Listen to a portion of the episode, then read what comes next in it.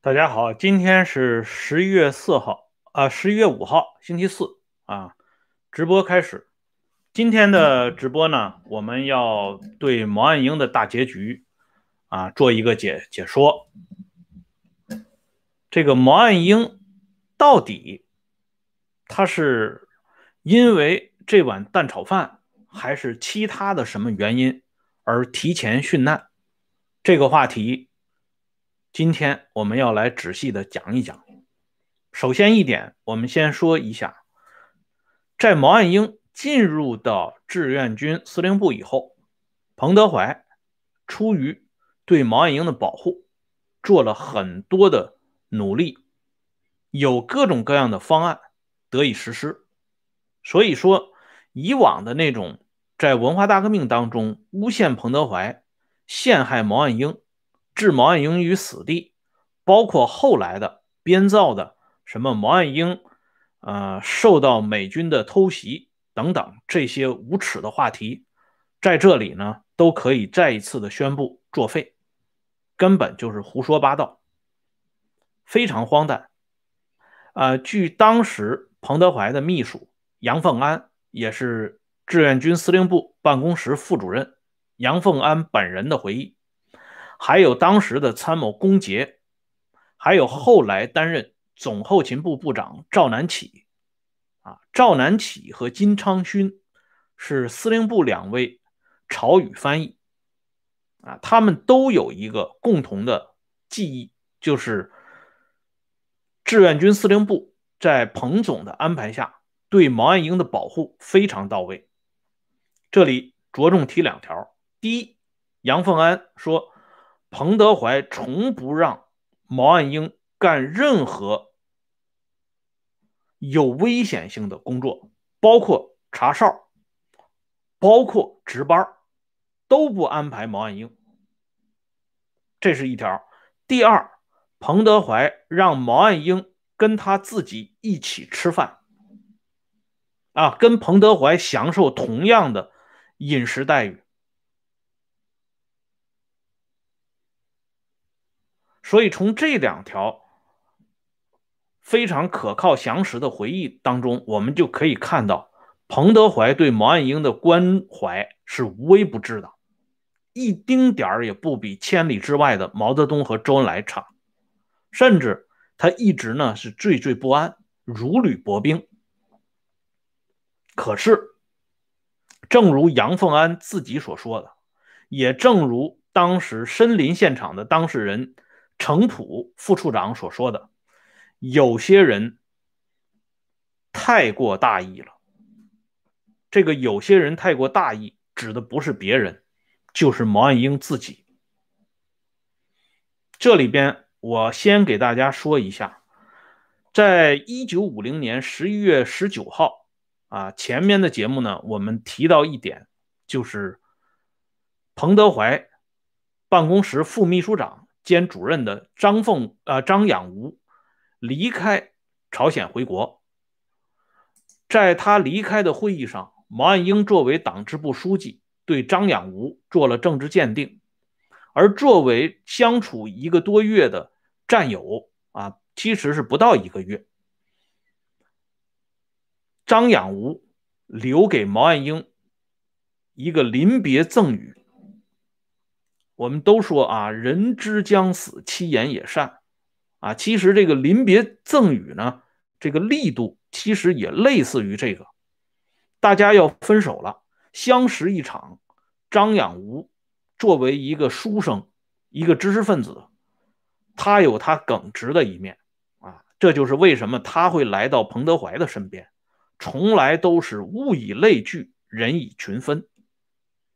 所以张养吾终于没憋住，给毛岸英写了这么一段话。这是张养吾晚年回忆的。我们来看一下，张养吾写了十二个字：第一，不要熬夜；第二，按时就餐；第三，注意防空。这十二个字不是表扬毛岸英的，也不是对毛岸英的期许，而是在提醒毛岸英，这三个错误不能再犯了。为什么说是三个错误？因为从毛岸英留给张养吾的最后的笔记当中，我们也可以看到毛岸英自己承认，这是张养吾对他提出的最委婉的批评和友好的劝告。毛岸英回复了八个字：“虚心接受，以后改正。”但事实证明，毛岸英没有改正。至于他是不是虚心接受，只有他自己知道。现在呢，恐怕也只有天知道了。这里边我们要着重提到张养吾的这个临别赠言。与稍后展开的毛岸英的结局可谓息息相关、丝丝相扣。首先一点，要求毛岸英不要熬夜。我们前边的节目里边已经给大家介绍过，杨凤安专门回忆，司令部为了照顾毛岸英，没有给他安排任何值班业务。啊，就是说他不参与值班，不参与查哨，所以他没有熬夜的理由。然而毛岸英却经常熬夜。那么我们通过常识来判断，如果毛岸英的熬夜是因为精进学习俄语，为了大面积的帮助志愿军司令部处理日常的文件。或者为彭德怀提供相关的支持，哪怕是有一丁点的痕迹，当初幸免于难的这些战友，在日后回忆毛岸英的文章里边都不会一个字不提。可是我们至今看到所有表扬毛岸英的文字里边，根本看不到他熬夜的出发点。啊，或者是良好的出发点，没有。那就是说，毛岸英的熬夜到底是什么？恐怕也只有他知道，只有天知道。晚上不睡，自然早晨起不来。那么张养吾的第二条劝告就成立了：按时就餐。他不跟大家一起吃饭。刚才我说过了，他跟彭总一起吃饭。而有的时候，他也不跟彭总一起吃饭，他自己吃饭，因为他吃饭的那个时间点儿跟别人不一样。第三条，注意防空。什么叫注意防空？就是注意纪律。然而，这三条恰恰是导致毛岸英提前殉难。最关键的三个节点，那么现在呢，我们就来一起回顾一下十一月二十四号以及十一月二十五号上午所发生的一切事情，围绕着毛岸英这个结局。十一月二十四号那个情况，我已经跟大家说过两次了。从洪学智的回忆录到彭德怀传记组提供的现场证明，都讲到一点。即十一月二十五号这一天早晨，应该不迟于早晨六点完成早饭，然后一律进入防空洞。所有的志愿军司令部里边的干部战士都不例外，这是作为纪律来宣布的。但是毛岸英在十一月二十五号这天早晨，他没起来。没起来，也没吃上早饭。不过呢，他还是跟大家一起在七点钟左右进入到了防空洞。这飞机呢，美军的飞机来了以后，当时的情况是什么情况呢？这里彭德怀的传记组是这么讲的：他说，美军的战斗机不但能够贴着山头，插着树梢低空飞行。还能钻进山沟里搜索目标，只要发现一个人一辆车，甚至一头牛、一条狗、一缕炊烟，不是投弹，就是发射火箭弹。这在当时是非常危险的，所以志愿军司令部采取各种伪装措施，但最终没有逃掉美军的侦查和发现。刚才提到，哪怕是一缕炊烟，这个作为常识，作为军令，司令部每一个人都是牢记在心的。可是这个时候，终于发生了蛋炒饭的这一幕。彭德怀传记组向我们提供了第二份关于蛋炒饭的旁证，这也就是说，杨迪的回忆不是孤证。这里边。他是这么讲的，啊，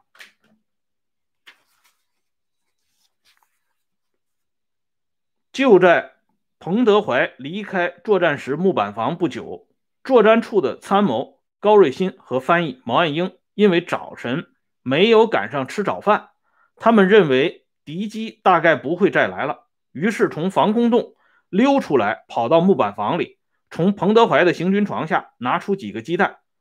利用那个炉子做蛋炒饭，恰在这个时候，美军四架轰炸机飞临大榆洞志愿军司令部上空。啊，这是这么介绍这个当时的情况的，就是说他们从防空洞折回木板房，就是作战时，就是为了要吃早饭。而这个回忆呢，在杨凤安的回忆当中也得到证实。我们来看一下杨凤安当时的回忆。杨凤安说：“我们一般都是在太阳出来之前吃早饭。毛岸英昨天睡得晚了，我们吃早饭的时候他还没有过来。等到九点多钟到办公室来，饭菜早已经凉了，所以。”他和高瑞欣两个人就围着火炉热饭吃。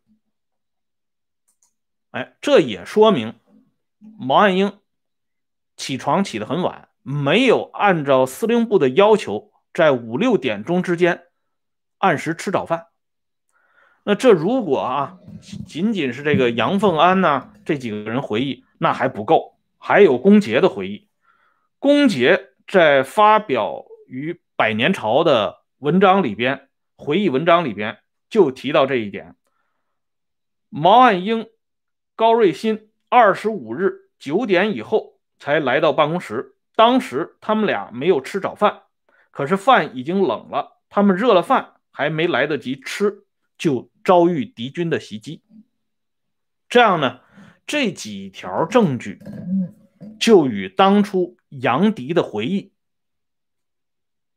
对上了。就是说，杨迪的回忆是准确的。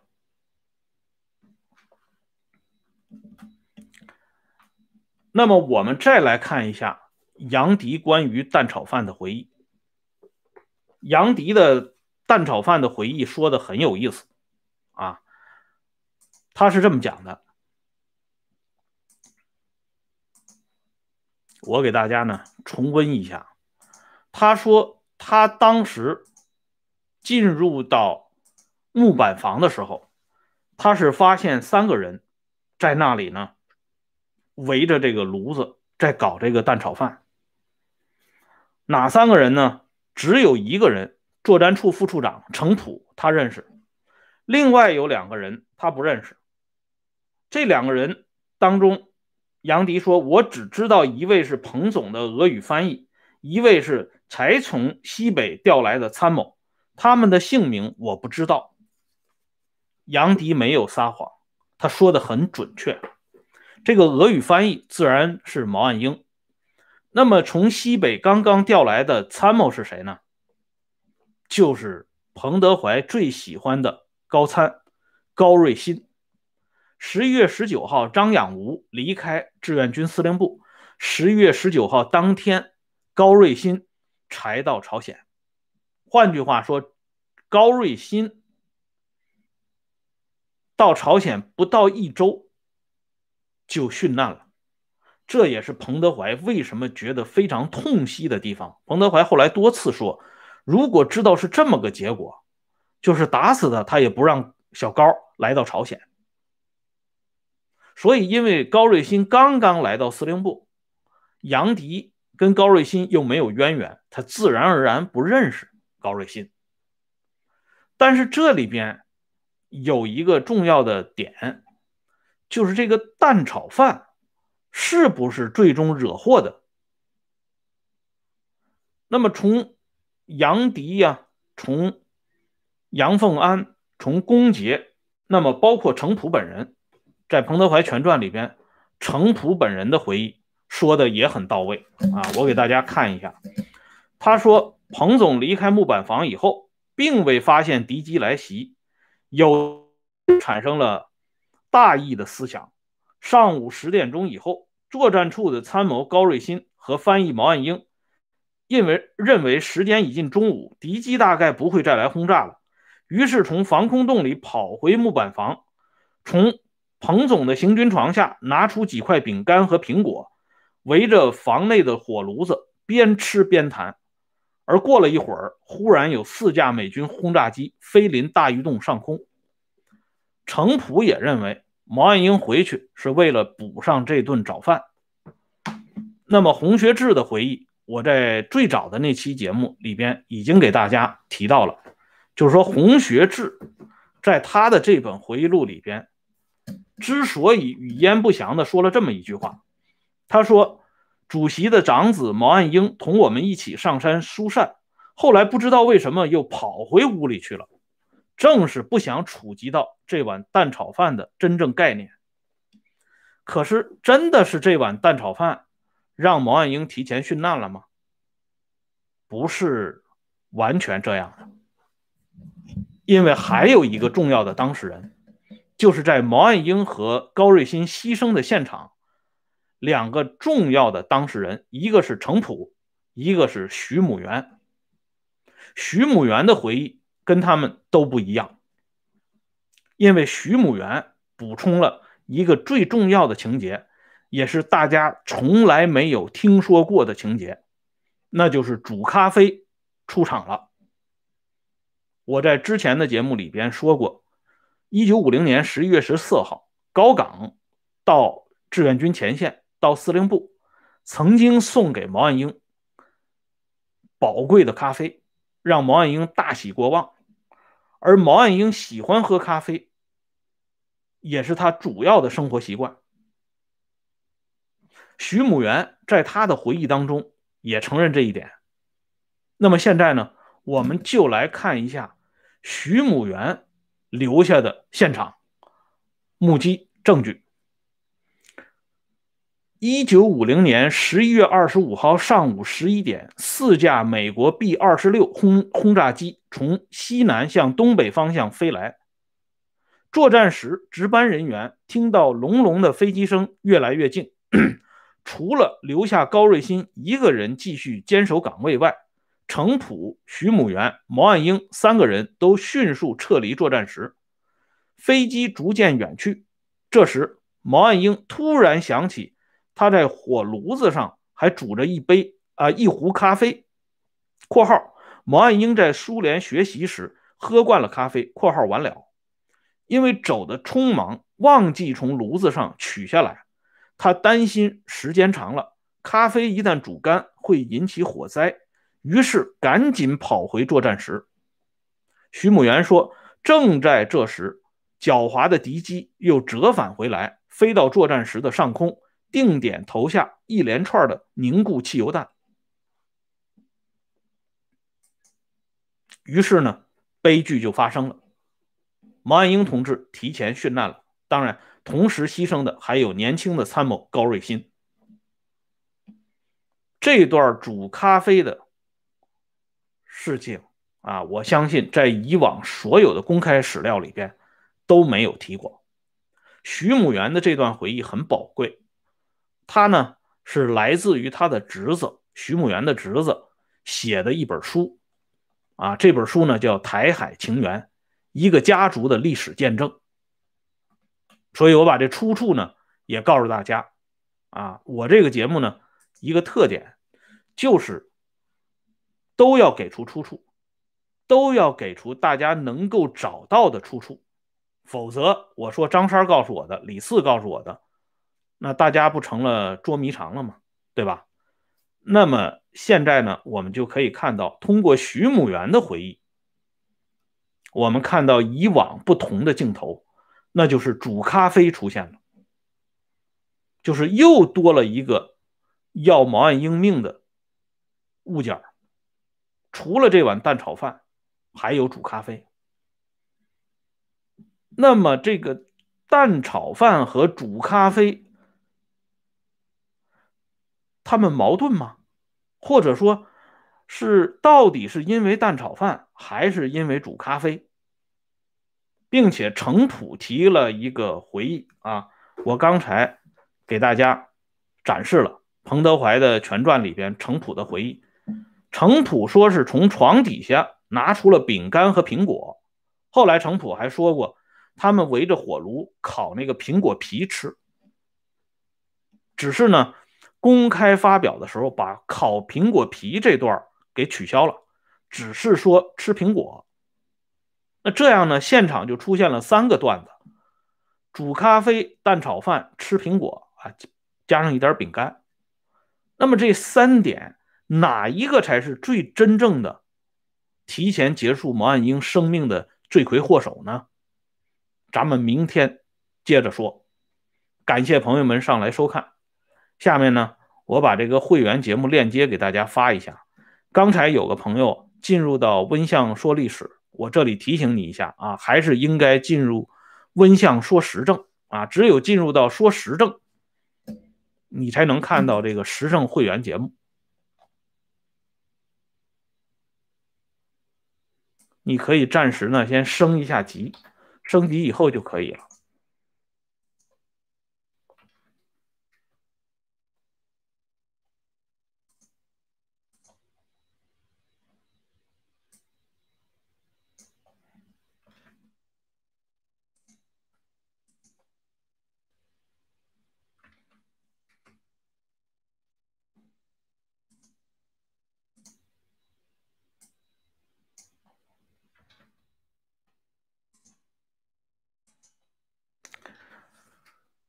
在国内呢，你可以购买这个。